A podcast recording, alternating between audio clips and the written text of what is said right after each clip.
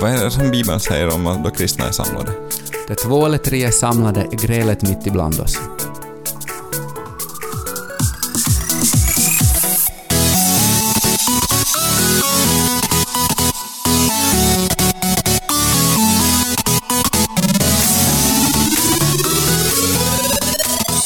Ja, välkommen till ett nytt avsnitt av podden, tror jag man i kyrkan. Vi har haft en, ett litet uppehåll nu på ett par veckor, men eh, idag är vi tillbaka starkt med eh, mig och eh, med mig har jag Jimmy Österbacka och Jan Gustav Björk. Välkomna. Tack ska du ha, Thomas. Japp, vi är här. Mm, allt bra med er? nu ska inte ni vara så artiga, någon av er börjar prata nu bara. Okej. Eh, ja, jo det är det. Eh, det är, jag ser med spänning fram emot det här avsnittet också. Sådär. Mm, Eh, det här är nog en- det, nästan det tuffaste avsnittet vi har någonsin jobbat med, tror jag. mm, Jo, Det känns roligt att få vara med. Spännande. mm. Eh, vädret börjar ju vara sådär, ja, så att det är lite, man börjar tänka på midsommar. Har ni några midsommarplaner? Så det för övrigt. Mm, Det ska vara ledig. Japp, ledig. Perfekt, nu är inte ni lediga mer, för nu, nu har jag planer åt er. Eh, jag tänkte bara att jag skulle passa på att göra reklam för midsommarfestival som kommer att vara ute vid Pörkenis under, under midsommar. Mm, vad händer? Eh, kommer att vara lite band och artister som, som, eh, som uppträder och spelar. Sen kommer vi att ha lite annat program. Här kommer det att finnas mat och servering och så det. Eh, jag tror jag kommer att bli jättebra i år, Du har faktiskt. ju hållit på med stand-up komedi. Är det du som är en av stjärnorna? nej, nej, så... Nej, så det gör att man kan komma dit. Okej, ja, men då känns det tryggare. men, så du kan vara lugn. Men jag har faktiskt suttit med och planerat lite inför det. Så att, att eh, ja, så här är dagens tips. Mm, det var ett bra tips. Mm. Jimmy, du har ju, har ju några frågor som du tyckte att det här vill du, det här tycker du vi ska fundera på idag. Men hallå Thomas, om vi ska köra såna här svåra frågor som eh, Jimmy nu har skrivit upp här, så tror jag vi behöver börja med, med den allra viktigaste frågan. Okej. Och det är liksom uh, vår egen fascination av Jesus och Mm. eh, vad som fascinerar hos honom. För det är ju när vi, om vi dras närmare honom så har vi kanske en möjlighet att ehm, ha någonting gemensamt trots att vi kan ha olika åsikter i en del frågor. Så min fråga till er är, eh, vad fascinerar er nu hos Jesus inför påsken och, och, och korset och den väg som Jesus går? Mm, jag kan själv svara på den frågan för jag har funderat en del på det. Sådär. Eh, Får jag börja? Ja, Ja, okej. Alltså det som fascinerar mig är Jesu ensamhet. Att han gång på gång förs- försöker förklara för lärjungarna vad som ska hända, men de förstår ingenting. Och han också ska göra någonting som aldrig har blivit gjort tidigare i historien. Ingen har liksom dött för alla världens synder tidigare i historien. Och han har på något sätt insett att han ska göra det. Och vilken ensamhet han då känner att ingen förstår mig. Det är bara Fadern som, som förstår mig. Mm. Men vägen som Jesus går innebär att han också blir övergiven av Fadern. Så han är inte längre Fadern. Att han måste vara den ensammaste människa som någonsin har funnits på hela vår jord. Mm. I det här, den väg han går, som han har valt. Det, det, det slår mig, en av de saker som slår mig. Mm. Det som griper mig är just det här också som handlar om hur långt Jesus är beredd att gå för att rädda oss. Hur långt ner i döden, hur långt in i mörkret han går. Och hur mycket av vårt mörker som han tar in i sig själv för att vi aldrig någonsin ska vara ensamma. Och samtidigt uppståndelsen. Hur liksom hela världen nu är förändrad i påskens ljus. Hur lidande, döden, synden, allt mörker inte får sista ordet, utan Jesus får sista ordet. Och då är det med facit i hand. Det är med facit i hand. Ja. Ja, för egen del eh, så, så är jag kanske lite in, in på liknande tankar som, som du sa, alltså det här, till vara, vara, det här ensamheten till att vara så ensam och, och eh, allt det här som man går igenom och ändå, ändå klara av att följa och göra Guds vilja och gå igenom, igenom allt det här.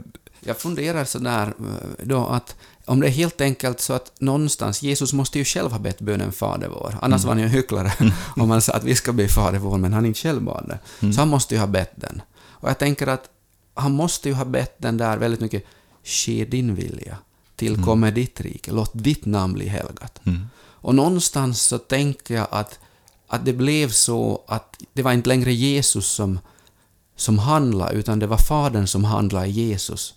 Att det var som, Jesus hade ingen egen rörelse till slut, utan det var Fadern som rörde sig i Jesus. Alltså att Jesus på något sätt så helt överlämnade sig och bad denna bön. Så det blev som Fadern som levde genom Jesus. Och därmed så, så orkade eller kunde Jesus gå vägen. Därför att det inte var hans egen rörelse längre, det var Faderns rörelse i Jesus. Ja. Ska vi avsluta sådär? Nej, jag skojar. Jo, men... men eh, jo. På tal om Fader vår så tycker jag det är fascinerande just också där i Getsemane när Jesus också uppmuntrar lärjungarna att be så som han lär i Fader vår. Be att inte blir utsatta för prövning. Ja. Så kommer bara att tänka på det där när du för in Fader vår. Ja. Och ett tips sån här, om vi tar ett praktiskt tips då, Mm. det är att eh, be bönen Fader vår för Jesus. Att, att eh, nu när mm, folk lyssnar på det här så kanske är ju påsken förbi kanske sådär. Nej, man lyssnar direkt när man kommer ut. Okej. Ja, men det är bra. Men i varje fall då att eh, be igenom Fader vår genom- påsken och be Fader vår för Jesus för att han ska liksom få leva i Faderns vilja, han ska vara vän mot Fadern, att han inte ska frestas att gå en annan väg. Så man blir man en förebedjare för Jesus och får uppleva liksom Jesu vandring utifrån att han är en vän som stöttar Jesus i det svåra han kommer att göra. Det kommer vara ett praktiskt tips från mig. Sådär. Den kom väldigt tidigt i det här programmet. Det- Jo, ja. ja. Och eh, som du sa just att, att kommer man med ett tips och säger att så här ska ni göra så måste man ju följa själv också för att inte vara en hycklare. Jo, jag gör det redan. Det är mitt sätt att leva in i liksom påsken, att vandra med Jesus, Mm. vara han, me- medvandrare med honom Mm. och stötta honom. Sådär. Bra.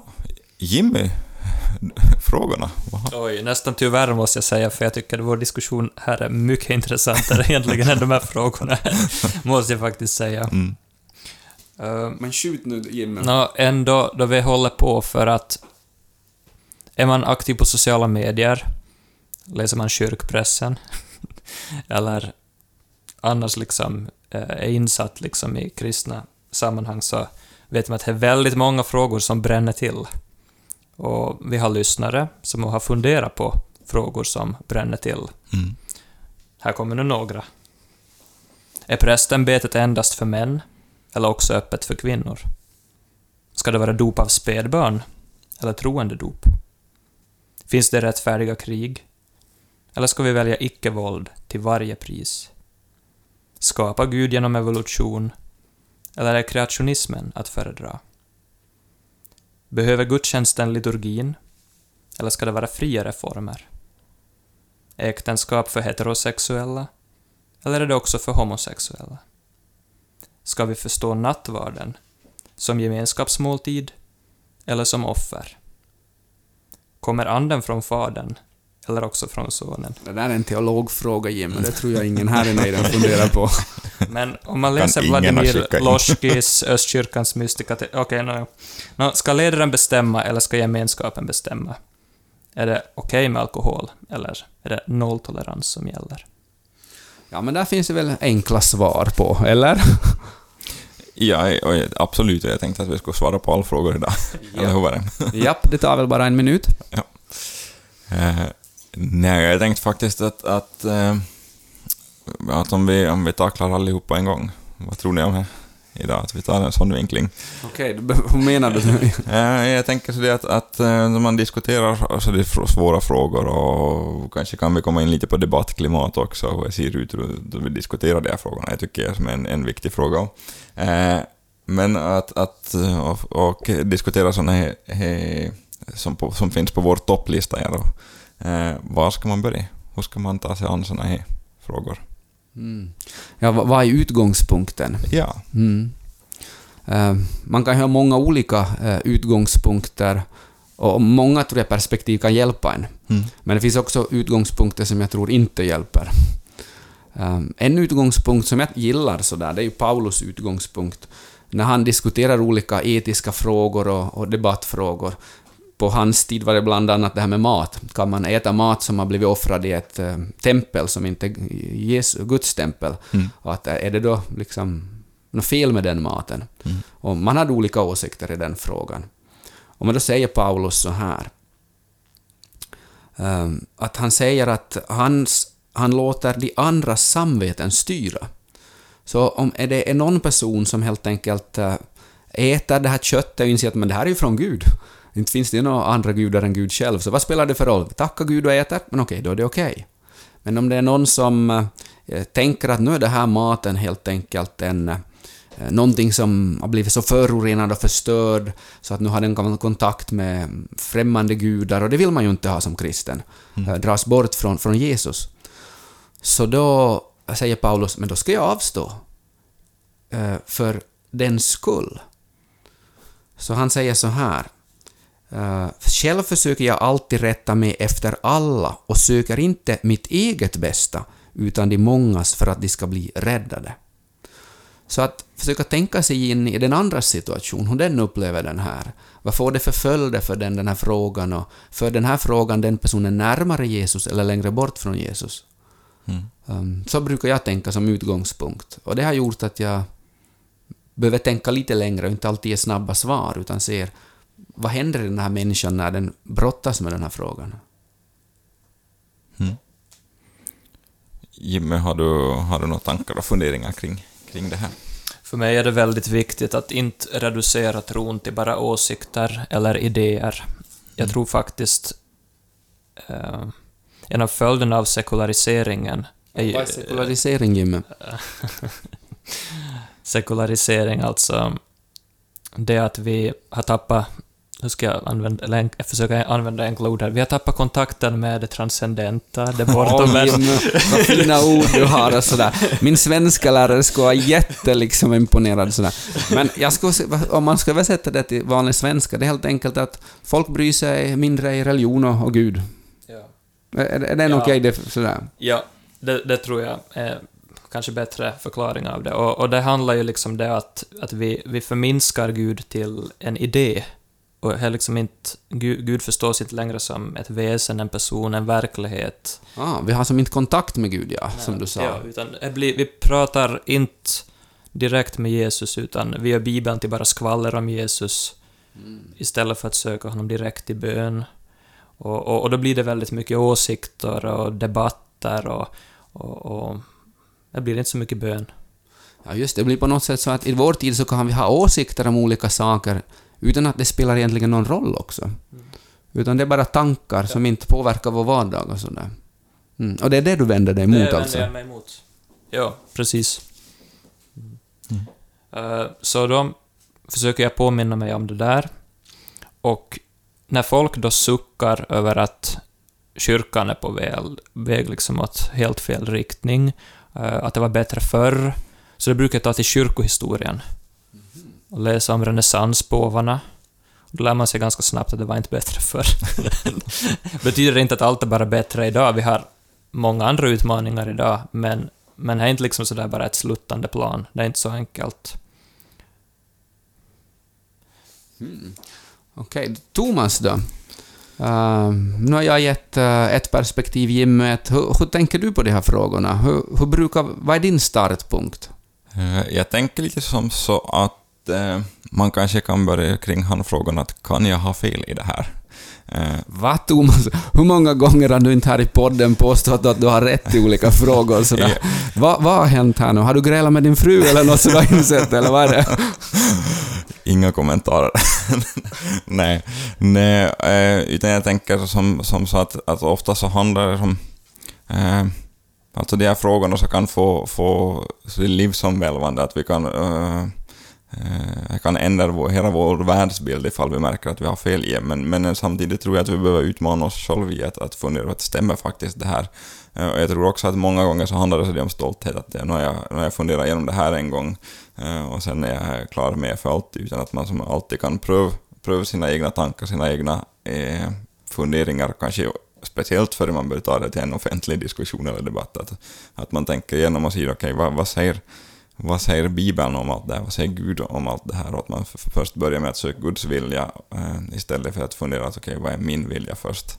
Eh, och det här kan vara väldigt så det är utmanande för att, att eh, eh jag kan ta på stoltheten och jag kan vara livsomvälvande och också det, men, men jag tror att, att jag tror att det känns bra efteråt att välja den vägen. Mm. Och du, brukar du själv göra så i, de, i, diskussioner också? Att du, du går in så här och kollar, vill kolla liksom, varför säger jag det här? Vad är orsaken till att jag tänker så här? Har jag kollat med Bibeln och så här? Är det en process du själv gör? Nej, jag är en hycklare i det här. nej, nej. Eh, ska vi säga vi har ju att- vikterna att, att, som kan ordna upp sånt också. Nej, ska vi säga som så att, att eh, Eh, ja, åtminstone vill jag ha en sån utgångspunkt att nu, nu vet jag med mig själv också att inte gör jag alltid. Att nu är jag lätt hänt i, i, i stundens hetta eller stridens hetta eller så det att man in, inte gör det. Eh, men eh, det här är i alla fall som en, en utgångspunkt som jag vill, vill börja från. Men jag tycker ju den är superbra, för då, då kommer vi bort liksom från bara det där att, att kyrkan är ute och yrar, eller den här som jargongen, utan då blir mer frågan, är jag ute och yrar? Mm. Liksom att hur ser det ut i mitt liv? Mm. Att, att vad, vad är det som jag arbetar för? Och man får som utvärdera och reflektera själv lite. Mm. Ja, och så låter du ju också, Thomas, då, tänker jag, eh, du låter på något sätt Guds ord drabba dig. Att det blir inte bara så att du, du ska ha rätt och, och peka finger åt andra, att de ska tänka som dig, utan du på något sätt låter Guds ord också tala till dig, att är det här någonting som lyser in i mitt liv på någon, på någon öm punkt eller så? Ja, Eh, och eh, jag tycker ju som mina åsikter är irrelevant eh, i det här, eller då det diskuteras sådana här frågor. Det är fullständigt ointressant vad jag tycker om eller vad Jan Gustav tycker om eller vad, vad Jimmy tycker om, utan, utan, utan att man söker den här, det här svaret från Gud, att vad, vad tycker Gud om det här? Och ibland är det får vi väl göra som Luther och lyfta på hatten och gå vidare, men inte vi, vi kommer inte ha svar på allting och alla gånger, men, men eh, jag tycker att det behöver vara utgångspunkten i alla fall, att man, man börjar där. Ja, Eh, och, och tänk, kan man dra det där längre? Ännu längre, den där tanken. Så att man inte bara tänker att vad äh, tänker Gud om det här, vad Gud om för åsikt, utan var är Gud i den här frågan? Mm. Alltså, eh, hur, hur, hur är Gud engagerad i den här frågan? Var är, alltså inte bara det att då blir, annars blir, kan ju Gud också bli en åsikt. Mm. Nu har jag Mm. Guds åsikt i frågan, Mm. men det spelar ingen roll om jag har Guds åsikt i frågan om jag inte liksom följer, låter resten av vad Gud är prägla mig eller jag, Mm. jag vill följa hans väg annars. Att det är många gånger som sanningen kan sägas, eller man menar att man har sanningen, men, men man säger det på ett sånt sätt så att det känns väldigt långt borta från, från Gud eller Ja. från, från Jesus. Ja. Ett problem med det där som jag funderar mycket på är sociala medierna och debatten som man kan se att också kristna för på sociala medier. Och det var väldigt plågsamt när det gick upp för mig en sak som en eh, vän berättade, som hade sett hur kristna hade uttryckt sig på olika sociala medier. Och, och det påverkar hennes inställning till dem, att då hon vet att hej, de där är ju sådana som brukar tjäna i förbön och be för folk. Men på något sätt så har förtroende blivit raserat nu när hon har sett hur de har uttryckt sig på sociala medier. Så jag funderar mycket på det där att hur använder vi sociala medier? Är det vettigt att vi diskuterar just sådana där frågor på sociala medier? Mm. Eh, Speciellt med tanke om det skulle vara så att sociala medierna också är ett mm, i, i någon mån ett söndrigt system som ibland kan ta fram lite sämre sidor av oss. Och, och här, Ganska ofta, vi, ganska ofta. Sitt som näthat och, och, och sånt. Mm. Det finns mycket mörkt där nog också. Så. Men kan det då bero på att man inte gör det, att sätt, vill man sätta sig in i den andras situation? Utan man är mer intresserad då av eh, att ha rätt kanske, eller att vinna liksom en diskussion, än av att eh, vi, vinna liksom eh, människan, eller vinna förståelse, eller vinna djupare insikt vad som är Guds väg. Man, man vill liksom vinna sin egen åsikt, att jag har rätt. Mm. Eller varför blir det så, Jimmy, på sociala medier, att det tar fram det sämsta i oss ibland? Alltså, min gissning är ju kanske därför att du, du ser inte människan ansikte mot ansikte i rummet. Fast det heter Facebook, så ser du som inte face. Alltså man borde då liksom eh, ta bild då, av de här människorna man diskuterar med eller se, se liksom en snutt där de är i som en, en naturlig situation som inser att ah, det är verkliga människor som jag möter, det är inte bara tankar och idéer.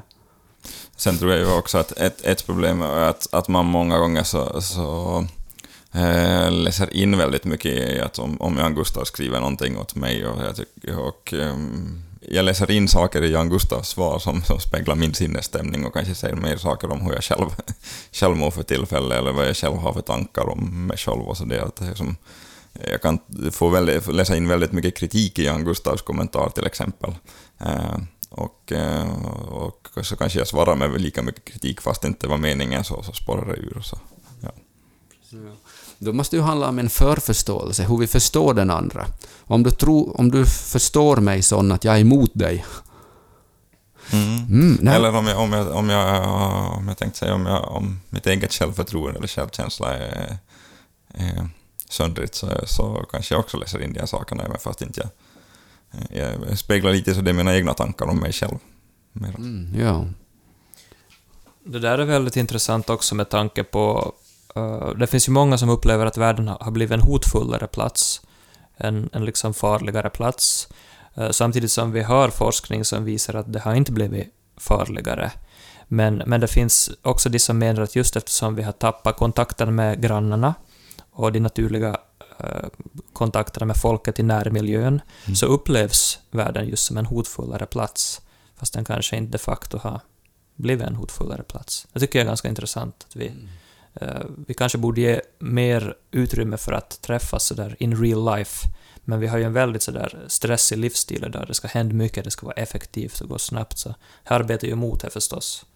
Ja, och, och där tänker jag Jimmy att ett av dina bidrag som jag, både jag och andra har hört också och uppskattar väldigt mycket hos dig, det är ju närvaron som du har Jimmy. Att du förmår vara närvarande och, och, och liksom fascinerad över livet och sådär. Så att eh, mm, det skulle vara hemskt om du skulle gå ett sånt öde till mötes, så att du skulle ryckas med och så här, vem ska då liksom korrigera oss andra om du också dras med i det här Jimmy? Jag måste ju som säga åt alla lyssnare också jag har nog stunder där jag är väldigt disträ och frånvarande och lite sådär zombieaktig. Mm, kanske vi ska fråga din hustru som berättar om mer. ja, ja. Ja, eh, vi var ju, eh, Jimmy var ju lite in på det här med sociala medier, eller vi diskuterade ju diskutera lite kring den och eh, jag tycker som ett, ett fenomen som jag har märkt eh, som ökar väldigt mycket och jag själv som är egen erfarenhet att, att eh, bli, bli mål för en sån, sån här sak är att, att eh, man, man eh, fördömer någon för att vara intolerant och att man förespråkar öppenhet och man, man eh, går väl, eh, ja, man tycker att hur kan en person tänka på, på, på det här viset eller vara så här intolerant? Och samtidigt i samma mening så förbannar man en, en, en medmänniska i samma, samma mening. Och det här, eh, det här har jag som egen erfarenhet av, att råka ut för också. Och eh, jag tycker det är lite fascinerande att, att, att eh, man på samma mening så kan, kan svänga så här och eh, eh, ja, jag vet inte, känner ni igen det här fenomenet? Att, att, att eh, jag kommer spontant inte på det, men du, har berättat tidigare om det här, att när det här hände dig. Vad hände med den här tråden i sociala medier? No, den försvann, den blev borttagen. En av de i alla fall. Just det. Och det var inte blev- du som tog bort den, utan Nej, det var inte jag. administratörer som tog bort därför att det blev personliga påhopp, Ja, ansåg de då, Ja, på dig. Mm, precis. Mm. Eh, och eh, jag tycker som en fråga som jag kommer att tänka på, är det här jag är lite stolt över mig själv för att jag kommer på, det här är ju en jättebra fråga, eh, är ju här att, var Jesus tolerant? En jättebra fråga. Jag tänkte, på tal om den där tråden, som jag läste också, Mm. så det som man märker att finns idag är ju en, nästan en ilska och frustration över att man inte kan påverka andra människors åsikter. och vad de tänker och tycker. Oavsett varifrån man kommer, Ja. så finns en stor frustration över att man inte kan påverka vad de tänker. Eh, men, men när vi ser på Jesus alltså,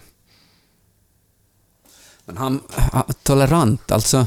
eh, han var, han, Jesus hade ju starka åsikter. Och ibland tror jag att de trådar där Jesus uttryckte sina åsikter nästan skulle ha blivit avstängda för att en del skulle ha blivit kränkta. Och det blev ju faktiskt också. De kom ju till Jesus och sa ”Vet du att det du sa Jesus så gjorde oss kränkta?” Mm. Så det, Jesus ut, det sätt Jesus uttryckte sig ibland, men det var ju liksom i, också i heta debatter, så uttryckte sig Jesus väldigt hårt. Um, så tolerant var han nog inte på det sättet. Det var han ju inte. men, men ordet tolerant är på något sätt fel ord för Jesus. Det, det, som, det klingar inte. Mm. Men det är mera generös. Mm. Alltså att uh, han, han var ju väldigt generös med människor som inte var som han, eller liksom var trasiga och sådär. Där fanns en väldig generositet, att Mm. de var välkomna med. Men däremot med människor som stängde ut på något sätt, eller uh, förstörde för andra, omedvetet. Där var ju Jesus väldigt intolerant. Mm. För där sköt han ju väldigt hårt Mm. Med sina ord. Men jag tänker så det också, vi pratar om tolerant och intolerant, men vad, vad, har vi samma definition av ordet? Hur ska vi definiera ordet? Jimmy brukar vara bra på definitioner och kommer Jimmy med här med en definition som är för högtflygande så tar jag ner den och sådär. Varsågod Jimmy, kör! Jag har faktiskt ingen definition. Jag, jag tänker faktiskt nu på att det låter väldigt olika om jag säger jag tolererar dig eller jag älskar dig. Det är ju milsvid skillnad. Eller hur Jimmy? Mm. Ja, alltså det, det, det är någonting som på samma sätt som med jämförelsen mellan tolerans och generositet så klingar väldigt annorlunda. Och på något sätt så ser jag, på tal om påsken igen, Kristi kärlek som sträcker sig efter människan. Eh, Det är något helt annat än jag tolererar dig. Och, och, och, och ty så älskade, ty så tolererade Gud världen att han gav den sin enda son. Det, liksom, det funkar ju inte. Alltså tolerans är inte liksom utbytbar mot kärlek så som kristna definierar kärlek. Det går inte. Och sådär som, lite som reklampaus så kommer tror jag man i kyrkan att ge ut kort inför alla hjärtans dag nästa år med den här Va? texten. Okej. Jag, jag tolererar dig. Okej. Uh, och, och, uh, och alla som ge, säl, ge, ger ett sånt kort då till um, uh, någon som de väl uppskattar väldigt mycket, utan att förlora vänskapen, så ger vi ett pris va? Absolut. Du tar inget ansvar för sig eventuella sjukhusräkningar eller. Ja, men, uh, alla hjärtans dag, toleranskortet, det vore något. Eh, Får jag en... eh, Jag har med en diktbok. Mm. Förstås. Det här är lite nytt sådär. Thomas, har vi någonsin haft dikter tidigare? Nej, jag tror På- inte men... men Okej, nu är det premiär, så håll i er. Mm. Jag tänker att i något skede måste vi få in lite poesi i den här podden också. mm. Jag kan hjälpa folk att, tol- att tolka det sen vad Jimmy säger. Bara några rader jag hittade från Thomas Strandströmers eh, dikt Guldstekel som jag läste i morse, som jag på något sätt inför det här podcastavsnittet funderade, det här, det här ändå ligger det någonting i. Eh, och jag läser inte hela dikten, bevare Mm. oss, utan eh, bara några rader. Den största fanatikern är den största tvivlaren. Han vet det inte. Han är en pakt mellan två, där den ene ska vara synlig till 100% och den andra osynlig. Vad jag avskyr uttrycket till 100%. Jan Gustav, din tur.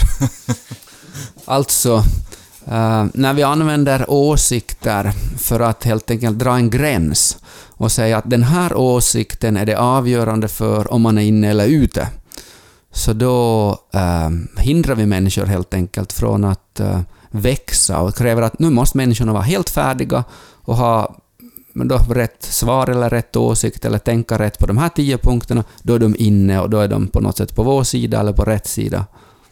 Ja, och det hindrar ju på något sätt att vi får inte växa.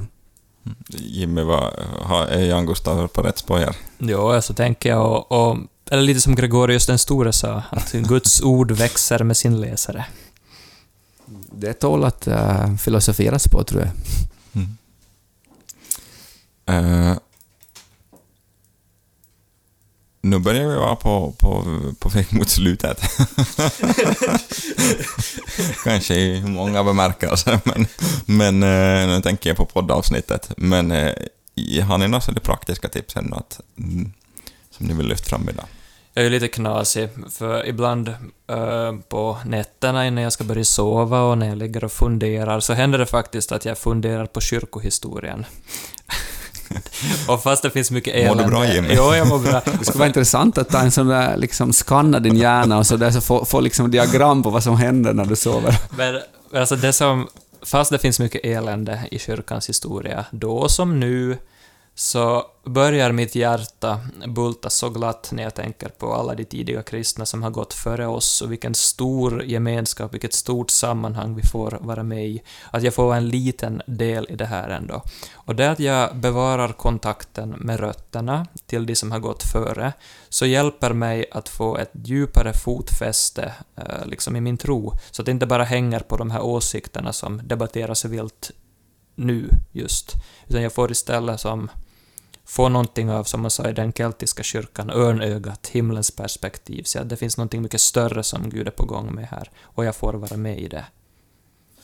Vad rekommenderar du då Jim för eh, bok eller mm, alltså på någonting på sociala medier man kan följa för att göra en sån här mm, djupdykning och få kontakt med, med alla dem som har trott på Jesus och, och levt för länge sedan? Hur, hur ska man göra Jim? Idag har vi underbar tillgång till kristna klassiker. Att läsa de kristna eh, förkunnarna och mystikerna direkt så har gett mig väldigt mycket. Men också såna här eh, sammanställda eh, historieverk. Men, men ibland är det inte bara den här torra kyrkohistorien som, som ger mig saker, utan det är liksom mer då man utforskar eh, de här gudsälskarnas längtan efter Gud. Eh, Som till exempel Peter Halldorf gör i den här boken Jungfrumark. Den är jättefin bok, Jungfrumark. Den är ett boktips i alla fall. Den, den har jag läst, jag, jag tyckte också om den sådär. Tack för tipset, kanske jag behöver läsa den igen.